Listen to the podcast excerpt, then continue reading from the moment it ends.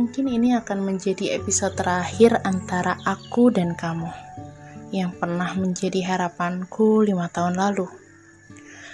Mungkin tahun lalu di bulan Oktober aku pernah menuliskan salam perpisahan untukmu sebelum akhirnya aku mengikhlaskan atas kepergianmu dan kesuksesanmu.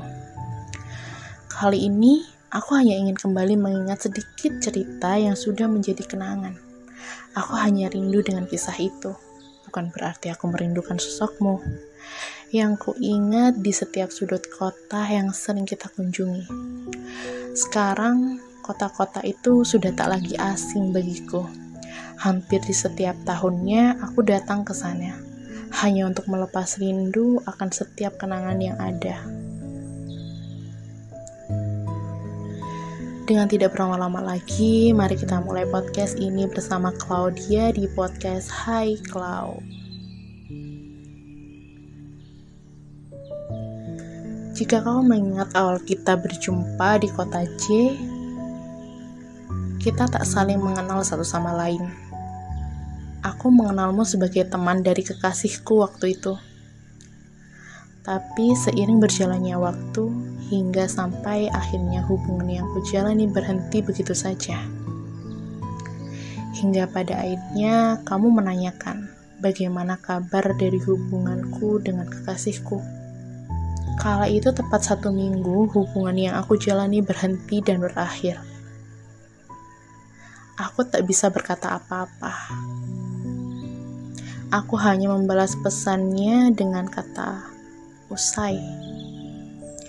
Dan begitu juga aku menanyakan bagaimana kabar dari hubungan dia dengan wanita yang tinggal satu kota denganku. Dia membalasnya dengan, masa depanku bukanlah harapan dari orang tuanya. Dalam obrolan tersebut, tak ada kata yang lebih berarti dari saling membagikan semangat satu sama lain. Dengan seiring berjalannya waktu, komunikasi yang kita jalin begitu intensif. Hingga pada akhirnya, kau berjanji untuk berjumpa denganku di akhir bulan depan. Atau tepatnya dua bulan setelah kabar kurang baik itu. Malam hari sebelum keberangkatanmu di stasiun kota C, kau menyampaikan sebuah pesan bahwa kereta yang kau tumpangi akan berhenti di kota M atau bisa disebut kota tempatku tinggal tepat pukul 09.45. Dan hari itu kali pertama kita berjumpa lagi setelah kota J bersenandung dengan ribuan kenangan di awal pertemuan kita.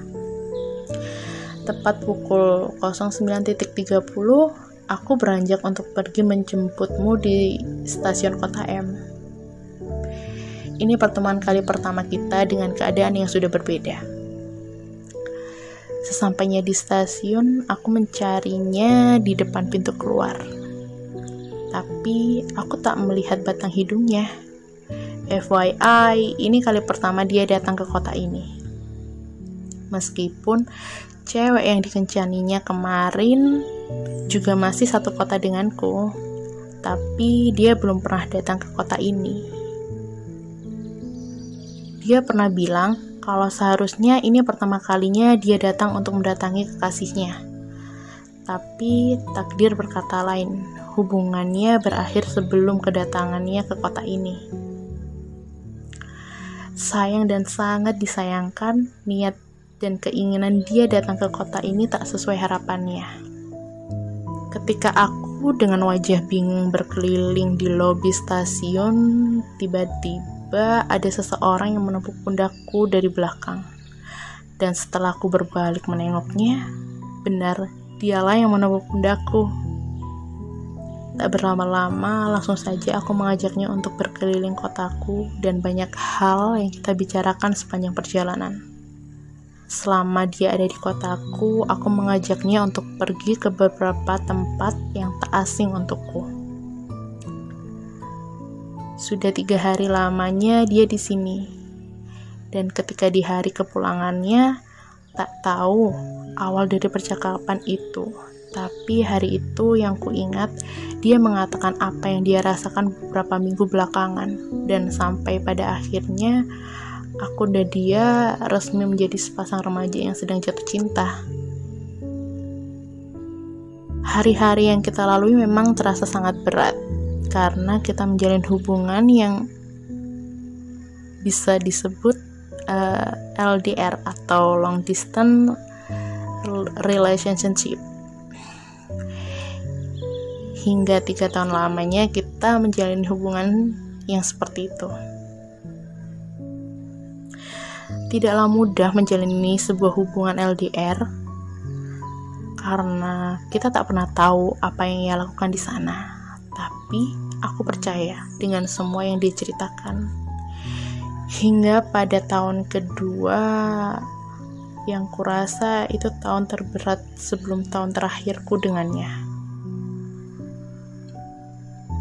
di mana ketika aku mendatangi kota es, di sanalah terungkap sebuah peristiwa yang tak pernah terfikirkan olehku, di mana dia bercerita dan meminta maaf dengan beribu-ribu kata maaf karena beberapa bulan lalu dia bermain belakang.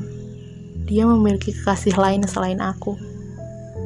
Entah itu sebuah kejutan apa yang dia siapkan untukku dan mengapa itu semua terjadi di kota yang aku sendiri tidak punya tempat bernaung di sana.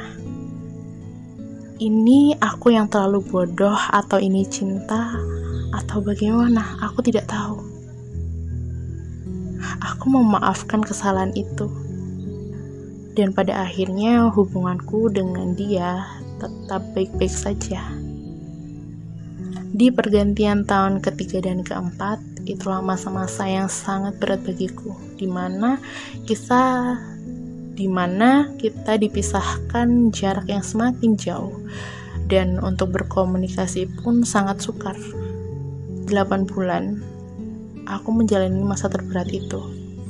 Hingga pada akhirnya dia memutuskan untuk berkunjung ke kotaku.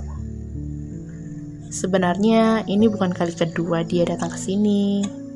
Dia selalu datang saat waktu libur panjang. Dia datang menemuiku. Jujur saja, ada hal yang mengganjal bagiku selama tiga tahun aku menjalin hubungan dengannya.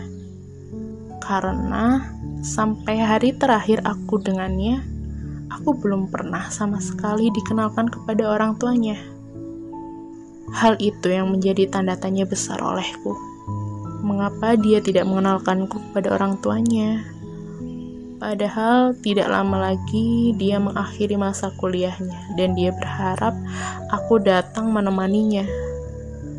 Tapi kehendak Tuhan berkata lain.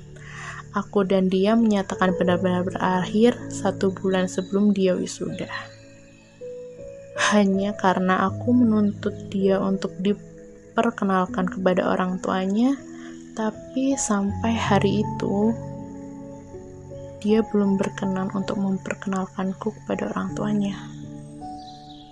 Ya mungkin bagi sebagian kalian itu bukanlah hal besar, tapi bagiku dengan hubungan yang sudah begitu lama aku jalani bersamanya, itu adalah hal yang paling aku inginkan dan aku harapkan. Akhir dari hubungan yang aku harap menjadi masa depanku lima tahun lalu, Hari ini ya ia menjadi sebuah kenangan yang tak akan pernah terlupa. Di sini, aku titipkan salam dariku untuk orang tuamu, bahwa aku pernah menjadi bagian darimu.